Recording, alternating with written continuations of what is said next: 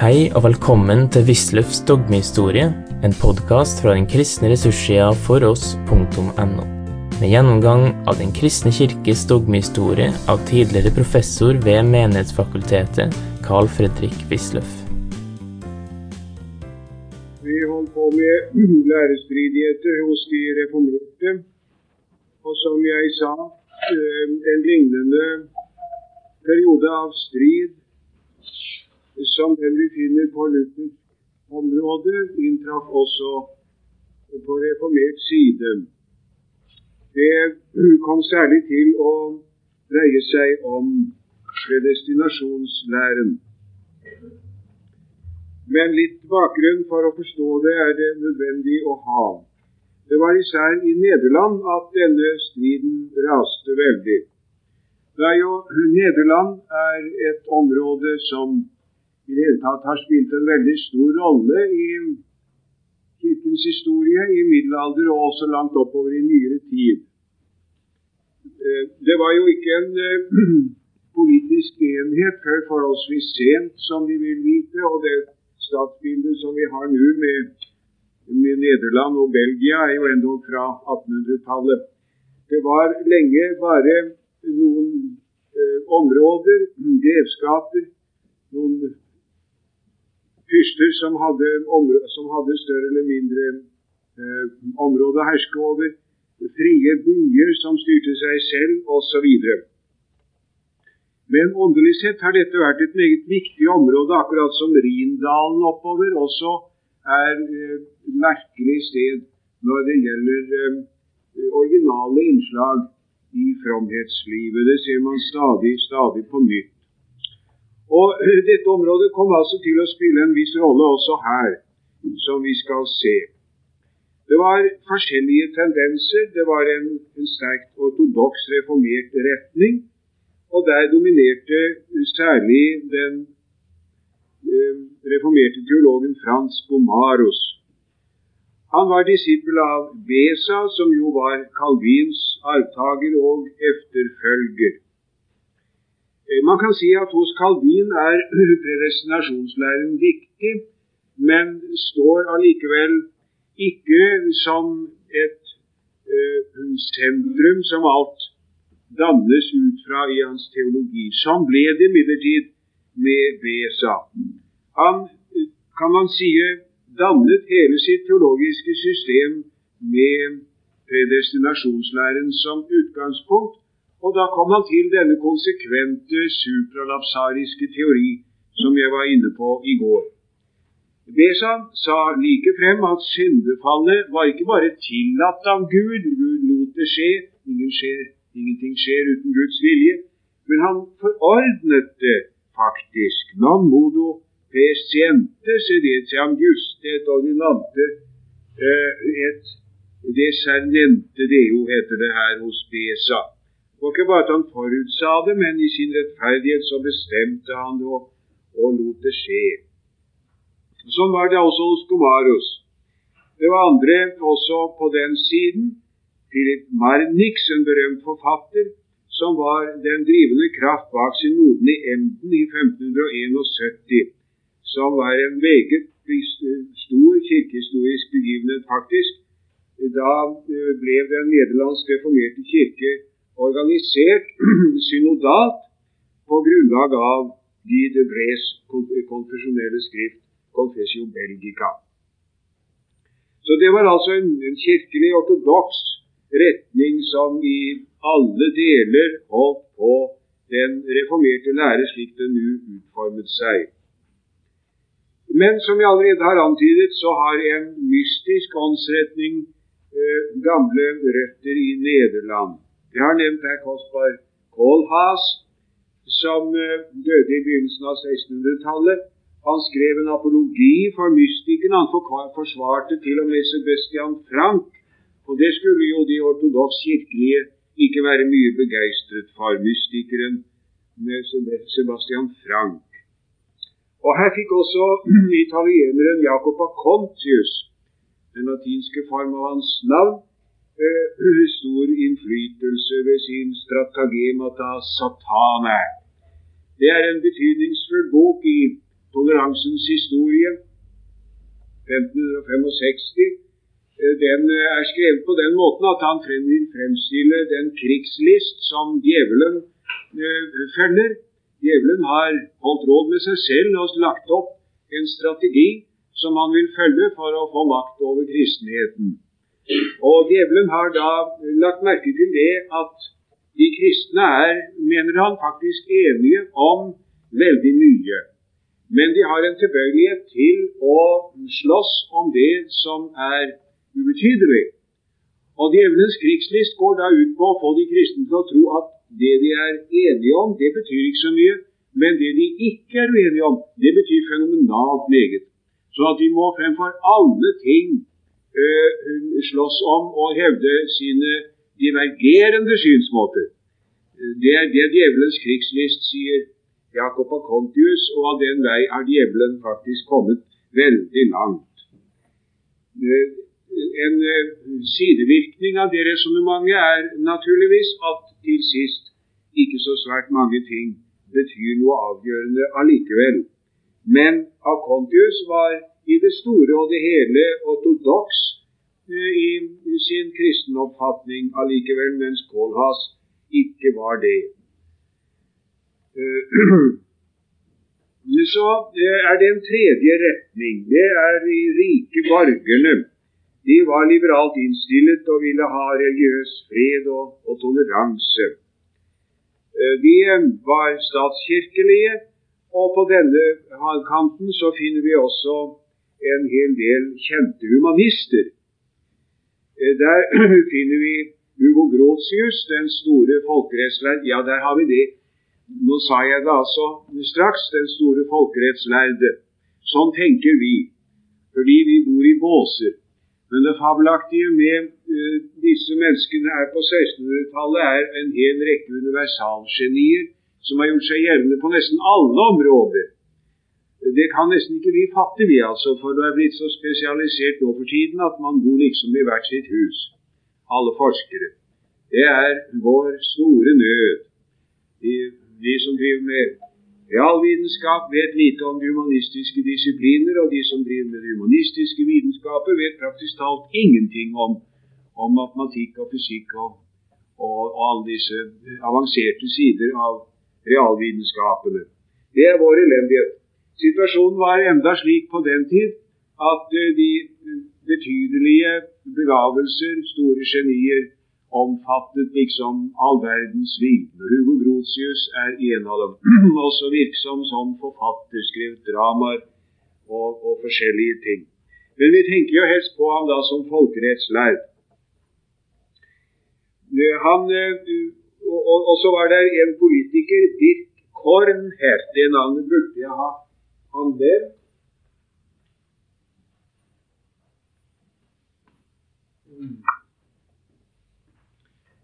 er 1590, altså før denne tiden egentlig.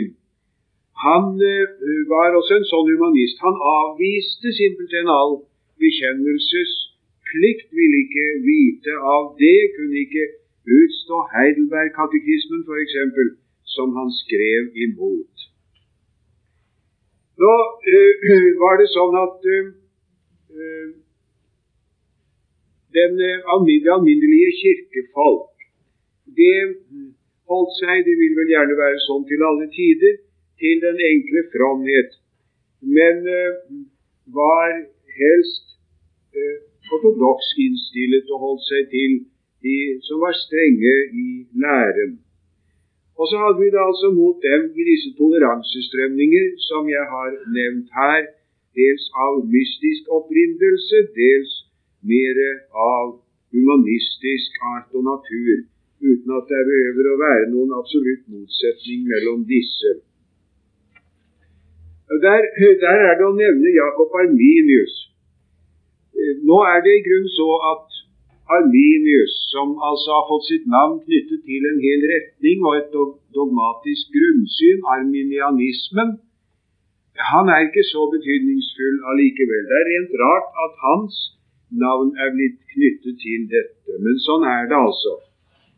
Han lærte at menneskeviljen nok var død under synden, men Gud kunne sette den fri, sånn at den kunne samvirke med Gud. Og så lærte han det at den troende kunne falle fra. Det kan jo en konsekvent kalvinist ikke tro. Og predestinasjonen den skjedde exprevisa fide, altså ut fra det at Gud så på forhånd hvem som skulle komme til å tro. Og predestinasjonen er da egentlig ikke noe annet enn at Gud eh, fatter hos seg selv et forsett om at han vil frelse alle som tror. Han gjorde et forsøk på å tyde Belgika og Heidelberg-katekismen i den retning, og det var jo naturligvis dømt til å mislykkes, for der står jo noe annet. Selv om Heidelberg-katekismen ikke har så mye, eller nesten ikke kommer inn på det i noe fall, og tyde den sånn som han ville, det går jo i hvert fall ikke an.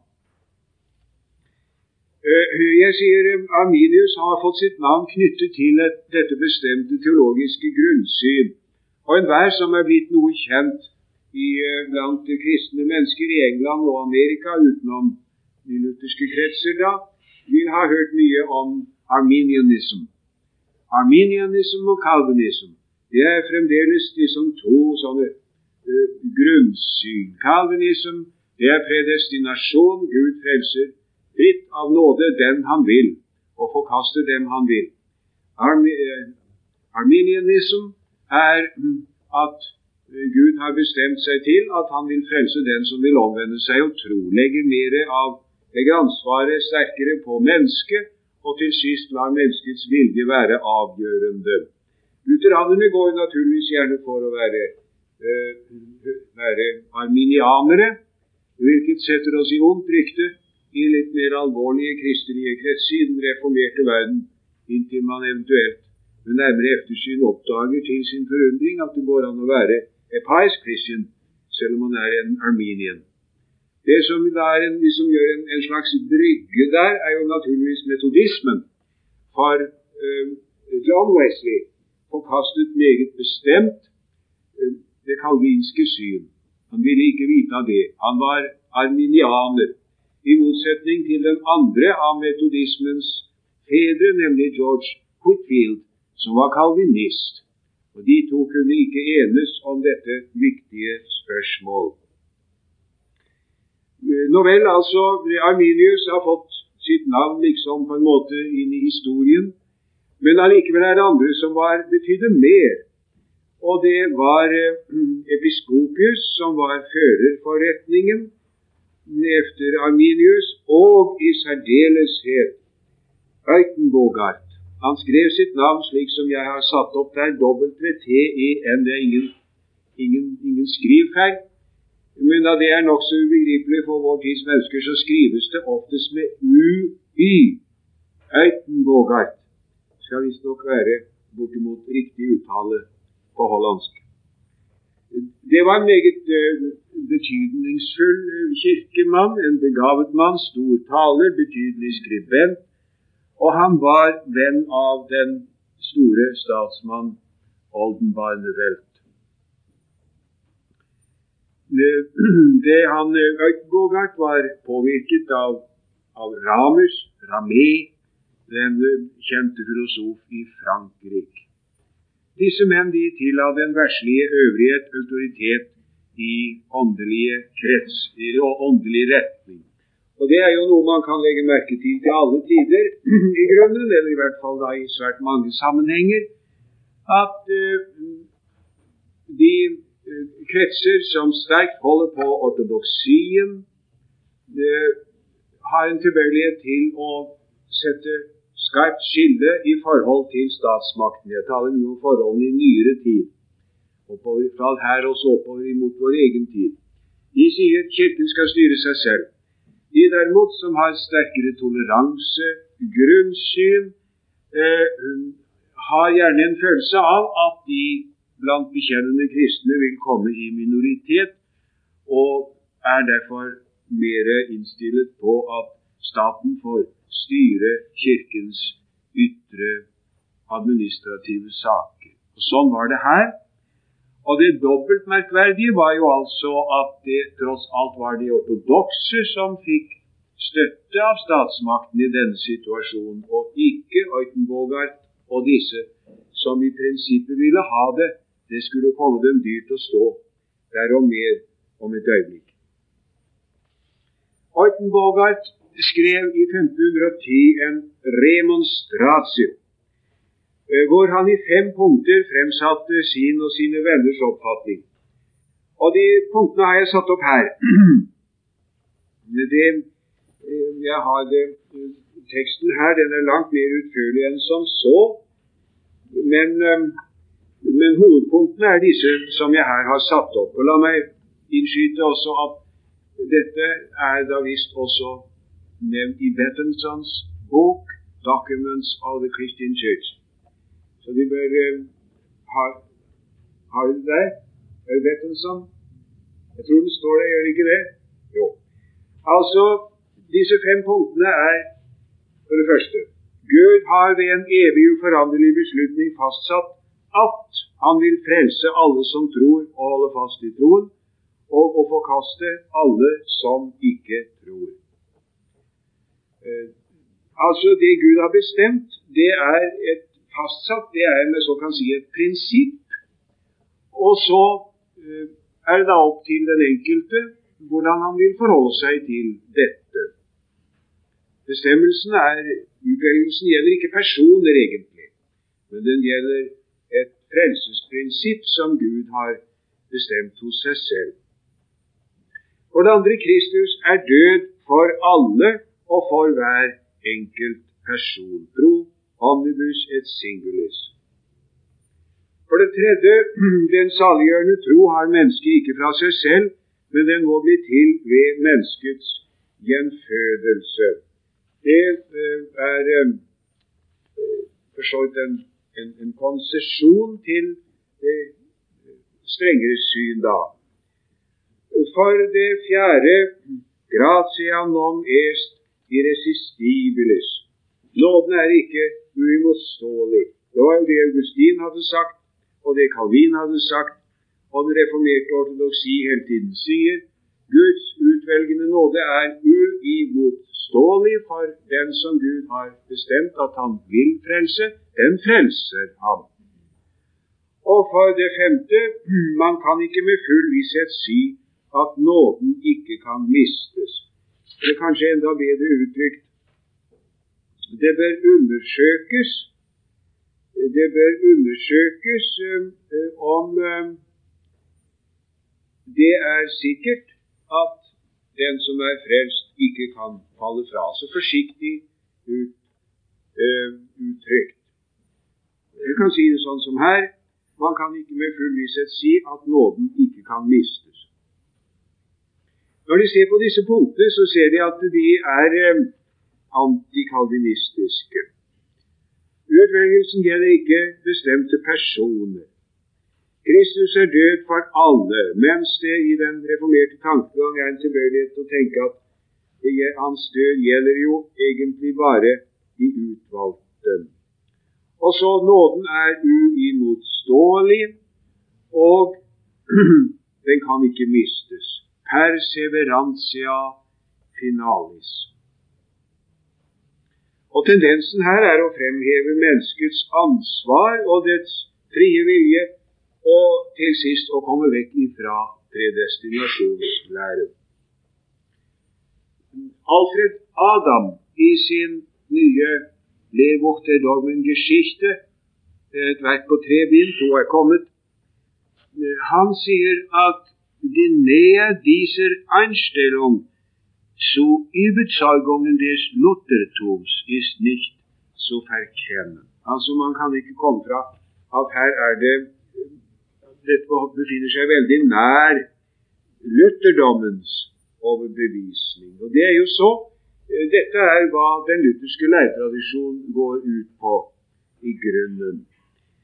Eh, det er, det er sant, men det må nok sies at Åndsinnstillingen på disse hold er allikevel forskjellig. Man eh, merker hos Eutenbogart og hos disse arminianerne en uh, mer relativiserende tankegang. Dette er ikke liksom det hele som de går inn for. Det er de mer utpregede satser. I virkeligheten går motsetningene betraktelig mye dypere. Og det skulle komme til å vise seg. For så ble den arminianske lære og denne remonstratio den ble møtt med en kontraremonstratio av de ortodokse gomaristene, gomaruses tilhengere. Og i 1618 ble det frem sammenkalt en synode i Dordrecht i Holland for å gjøre ende på striden. Det var Vest-Europas reformerte statskirker, kan man si, som sendte eh, representanter til dette, denne synoden. Her eh, viste det seg altså at de ortodokse, som egentlig ikke var statskirkelige, men holdt på Kirken er det som har hånd om egne saker, fikk støtte av statsmakten. Og det var Moritz av Oranien. Vi er her jo uh, i en dramatisk tid, dvs. Si det mest dramatiske ligger jo bak den nederlandske frihetskamp, 1566 til 81 Eh, var, ligger, ligger, bak. Det var en temmelig høy eh, selvfølelse på dette hold. Og lederen av staten er Moritz Auranien.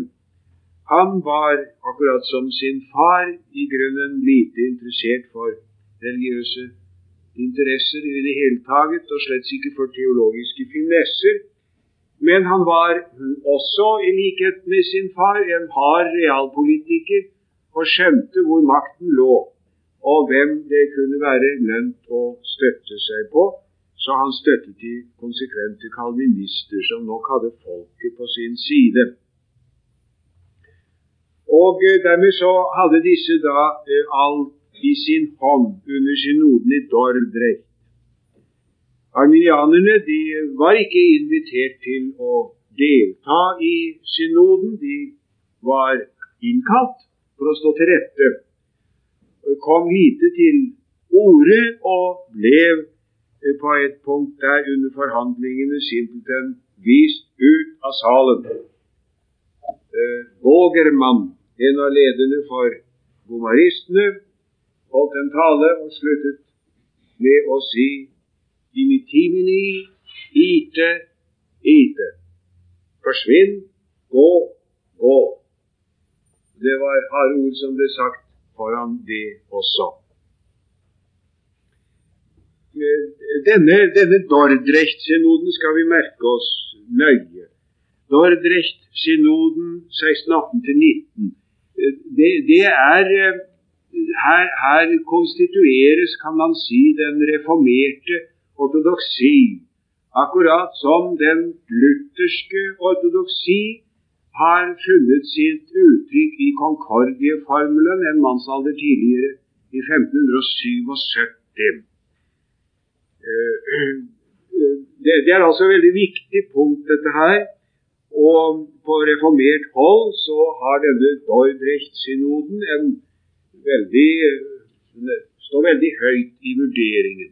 Det heter gjerne på reformert hold at aldri har vært samlet en sånn enestående flokk med lærde menn og store kirkemenn og fromme teologer og kirkemenn som her. Det var eh, eh Man tok aldri egentlig opp dette spørsmålet om infralapsarisk eller supralapsarisk predestinasjonslære. Remonstrantene øynet en stund et visst håp om å kunne splitte sine motstandere for å oppnå noe her.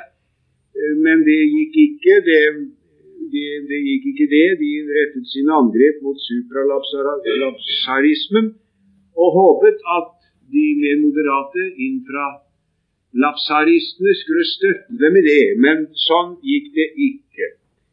Det, det ble ikke for alvor tatt opp, dette problemet med infra- eller supra. lapsarisk tro. Det var helt klart at det var motsetninger i forsamlingen. Og særlig engelskmennene og noen av tyskerne var ivrige for at formuleringene skulle bli moderate i så måte. Og de var nok i flertall som støttet dette. På den annen side ble, de, ble supralapsarismen ikke forkastet. Gomarus fikk tale så ofte han ville, og så lenge han ville, og å legge frem sitt strenge syn. Han ble ikke eh, hindret i det, men han fikk heller ikke viljen sin. Synodens formuleringer er egentlig infralapsariske. Det viser seg når man ser nøye på dem. Det øh, skal vi allikevel ikke gå så veldig mye inn på her. Bare nevner at eh, det infralapsariske standpunkt er det vanlige på reformert hold. Og Heppe i dogmatikk der evangelisk reformiten kirke fra forrige hundreår, ny utgave i 1958, han sier at supralapsarismen er bare privatmening hos enkelte teologer. Eh, men Heppe er eh, selveste de Fultgrove det er to bøker. Det er Schmid fra 1830-årene, i teologi der evangelisk lutherischen Kirche, som fremstiller eh, utførlig og med masser av lange sitater på latin den lutherske ortodoksi. Viktig bok. Eh, det foreligger nå for øvrig første bind av et moderne verk som på en måte vel kommer til å erstatte Schmid i noen grad, nemlig Robert Price. St. Louis, Missouri. Det første bindet har jeg nevnt i en bokmelding i Luthers kirketidene helt nylig. Men altså Schmid, det lutherske, og så er Heppe litt senere, hvis tittelen jeg har nevnt der. Begge disse er viktige for den som vil se litt nærmere på uh, ortodoksiens teologer på de respektive hold. Uh, disse Eh, kanones ifra Dordrecht-synoden. Kanones synodi Dordrechtane, som det heter på latin. Eh, det har ikke greid. Jeg vet ikke, det, Latinen har åpenbart kapitulert overfor, overfor sånne, sånne gutturaler allikevel vanskelige lyder. Som sett har de jo altså gått utenom. Og PF og andre merk teutonske merkverdigheter, umulige for en sydeuropeer, har de altså skrevet om, som jeg nevnte for dem, med, med, med Tigurinus f.eks. istedenfor Zürich, eller Tigurina. Men hva skal man gjøre med Dordrecht? Det er ikke godt å forstå. Det heter stadig Dordrechtane.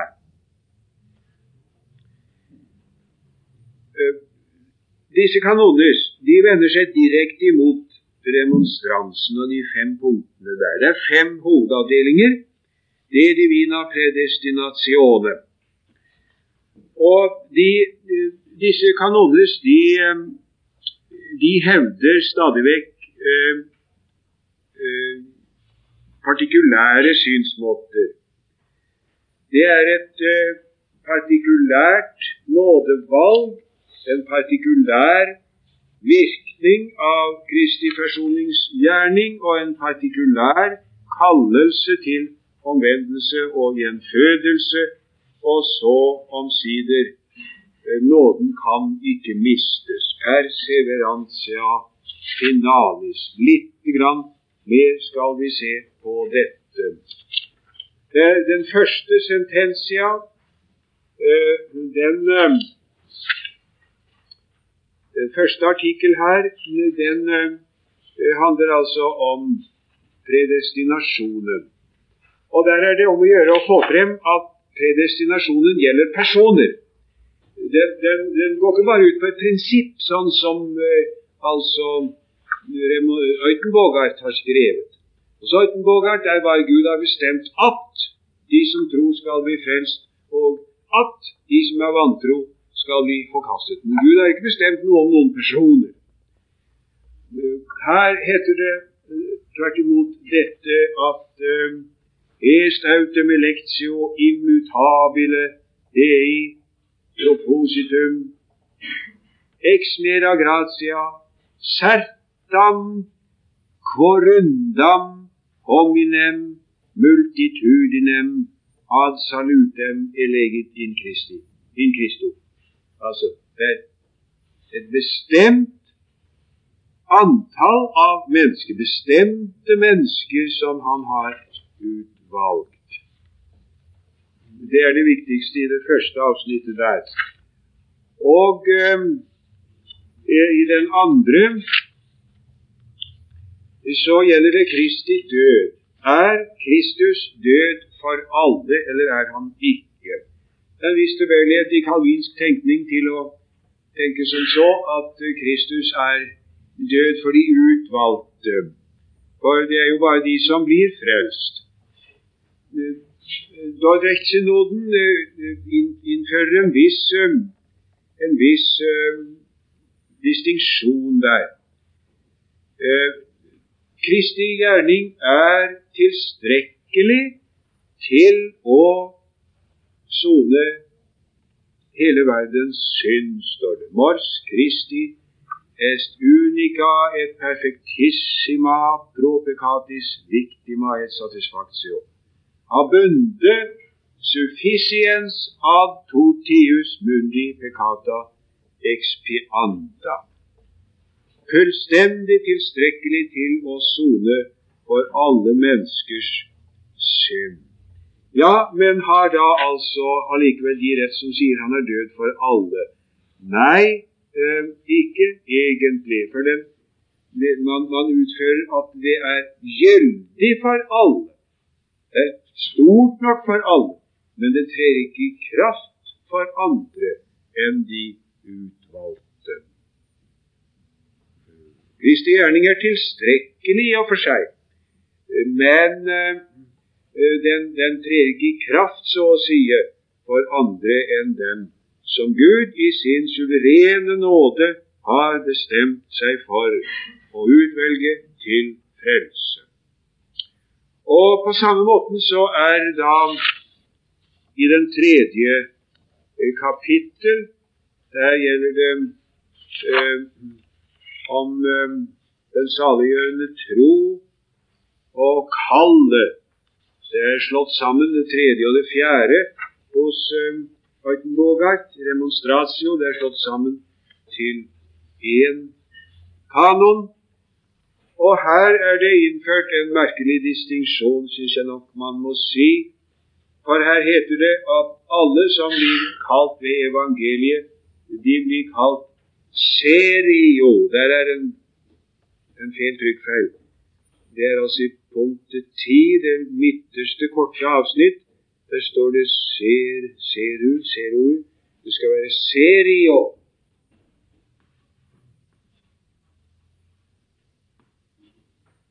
For alvor. Alle blir kalt for alvor, og eh, alle skal høre kallet til omvendelse og frelse. Men efikasiter gjelder det bare de utvalgte. Det syns jo vi kanskje fra vår, med vår lærebakgrunn er å ta tilbake med den andre hånden det man har gitt med den første. Men sånn er det da utført her. Og uh, for det femte så blir det sagt at den som er frelst, han kan ikke falle fra. Det er perseverantia finalis. Når Gud har utvalgt mennesket og frelst et menneske, så er det helt sikkert at så kan han ikke gå fortapt. Han kan ganske visst falle i, i synd. Det er nok mulig. Eh, det, det, det, er mulig det. Han kan altså komme til å gi efter for synden og eh, gjøre Guds hellige ånds sorg, står det. De kan falle i dødelig skyld, bedrøve Den hellige ånd, avbryte troens øvelse, alvorlig såre sin samvittighet og under tiden miste følelsen av og forståelsen for Guds yndest for en tid, inntil de igjen blir ført inn på den rette vei med alvorlig anger og Guds og lyset fra Guds Faderåsyn igjen skinner over dem. For Gud, som er rik på miskunn, han tar aldri sin hellige ånd helt bort fra sitt eget folk, for han har jo i sin uforanderlige utvelgelse bestemt seg for å frelse dem endog om de på sørgelig måte faller. Og han vil ikke tillate dem å miste utvelgelsens nåde eller miste rettferdiggjørelsens stand og stilling og å begå synden til døden. Heller ikke vil han forlate dem helt og fullt og overgi dem til en evig ødeleggelse. For det vil ikke Gud, altså. Og synd mot Den hellige ånd det er ikke noe som den troende kan gjøre. Det vil de merke i samtale med reformerte kristne over i statene, har man inntrykk av. Det er en del, en del eh, agitasjon om, om, det der. Men ved en viss infiltrasjon i lutherske forsamlinger f.eks. For sånn at uh, mennesker kommer til til, til, pastoren eller til andre ledere i menigheten og sier hvordan er egentlig dette er. Og det er masse av religiøse radiostasjoner og religiøse sendinger som er over i statene, så har man lyttet på et og annet, og så kommer de og så sier ja, men det ble sagt at synd mot Den hellige ånd. Det, det, er bare det, det, kan ikke den, det kan ikke den, den troende gjøre, for han for den som begår synd mot Den hellige ånd, han kan jo ikke fornyes til omvendelse. Mens derimot den som er frelst, han er alltid frelst. Eternal security heter det da eh, i Amerika. Og det, det, er altså dette syn som man finner her. Man finner hos kjente, ledende, reformerte øh, forkynnere, både av eldre og av nyere type. Og Om dette heter det da videre at øh, denne sikkerhet om å bli bevaret inntil enden, den uh, vekker ikke hos de troende en følelse av stolthet eller gjør dem kjødelig sikre, men tvers om, det er dem en virkelig kilde til ydmykhet, til uh, barnlig ærbødighet og sann fromhet og tålmodighet i all trengsel og inntrengende bønn og uh, utholdenhet i, i, i, i, lidelse og i å bekjenne sannheten, står det her. Der, der, og Når mennesker diskuterer om dette nå til denne dag, så sier man da, sier vi, syns vi altså, at det, det er farlige greier å si til folk at de ikke kan falle fra. De kan jo gi seg til, legge seg til å sove. Eh, hvordan kan dere ha, har dere frimodighet til det? Det kommer tilbake i det man sier da Hvordan kan dere ha frimodighet til å si til deres unge mennesker som er troende, at de kan falle fra? Snakke sent og tidlig om at det går an å falle fra? Advare annethvert møte om at de må endelig ikke falle fra, istedenfor å si som det står i Johannes 10, at ingen kan rive dem ut av min hånd. Åssen har de frimodighet til å snakke på den måten der? Sånn heter det da fra den, fra den kanten. Og jeg, jeg, har tidligere et inntrykk av at hos besindige folk eh, så er eh, avstanden ikke så veldig stor som en kunne tenke i forkynnelsen. Men eh, fordi det da blir en sterk tale om Guds trofasthet og om barnekåret som han har fått, og at Gud ikke trekker sin nåde tilbake om jeg snubler og faller. så lenge mitt trosplikt og i all elendighet er festet på Kristus. Det vil vi også si. Eh, men på den annen side kommer dette reformerte også somme tider i en sekterisk, forståelig, utrert form for at man skal liksom diskutere det og krangle om det, og volder da utvilsomt veldig mye uh, forvirring på, på, vårt, på, vårt, hold. Vel, dette er altså uh, kanones fra synoden i Dordrecht. og Som vi vil forstå, har dette hatt stor betydning for en vesentlig del av kristenheten og er i høy anseelse til denne dag på reformert hold. Til disse kanones er det føyet en rekke forkastelsesdommer i eksiones. Og her vender synoden seg imot en del vrange anskuelser som remonstransen ikke har, men som altså må ha vært hevdet i striden. De går, de går langt, langt videre. Der er det rent sosilianske og ganske svermeriske oppfatninger om arvesynden, om troen og den frie vilje. Det er ikke noe å gå i detaljer om.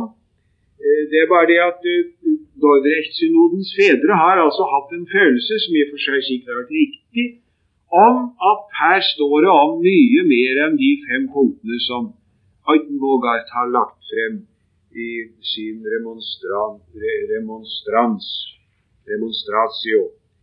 Og har man da også villet ramme i sånne tilføyede forkastelsesdommer. Arminianismen ble ikke, eh, bukket ikke under. Det var en eh, forholdsvis høy grad av religionsfrihet i Nederland. Derfor var da det også tilholdssted og tilfluktssted for mange mennesker som ble plaget for sin religiøse overbevisnings skyld i sine hjemland. Og eh, arminianerne de greide å, å, fortsette det arminianske broderskap, en frikirkelig samfunn. Det gikk altså så paradoksalt at de som egentlig var statskirkelig innstillet, de fikk staten imot seg, mens de som holdt på den frie folkekirke, for å, hvis vi skulle driste oss til å bruke et moderne uttrykk fra Den norske kirkedebatt, eh, de fikk støtte av staten. Så merkelig gikk det til i denne omgangen. Eh, at eh, de, eh, den strengeste predestinasjonslære ikke er enerådende i alle reformerte kirker, har jeg allerede nevnt før, og behøver ikke gå noe nærmere inn på det. Men til slutt i dag et par ting. For det første Heidelberg-katekismen ble uttrykkelig godkjent Eh, autorisert, skulle man kunne si, i Dordrecht. Det fikk stor betydning, for hittil var det vesentlig i, i Pfalz den var utbredt. Nå ble den anbefalt av Dordrecht-synoden, og med den store prestisje som denne synoden har hatt i den reformerte verden, har Heidelberg-katekismen eh, også fått øket betydning. Det er ganske merkelig, det, for i Dordrecht-synodens kanonnes merker man en forholdsvis skolastisk ånd, må jeg nok si, mens derimot eh, Heidelberg-katekismen er preget av en varm og enkel evangelisk fromhet. Det må man si som lutheraner, selv om det jo er viktige punkter hvor vi må ta avstand. Augustana derimot ble uttrykkelig avvist med rene skjæreord. Det var ikke tale om lenger å ha noe som helst med Augustana å gjøre. Det var vel klart for lengst, for lengst men, men, her ble det altså da omsider sagt. Mens det utover en tid på 1500-tallet i Tyskland var sånn at uh, alle som ikke var katolikker og ikke var døpere, de prøvde mer eller mindre å dekke seg bak Augustana, eventuelt Augustana variata. Den tid var nå definitivt forbi. Du har nå hørt Wisløffs dogmehistorie. Finn flere ressurser og vær gjerne med å støtte oss på foross.no. Følg også gjerne noen av våre andre podkaster, f.eks. Table Talks.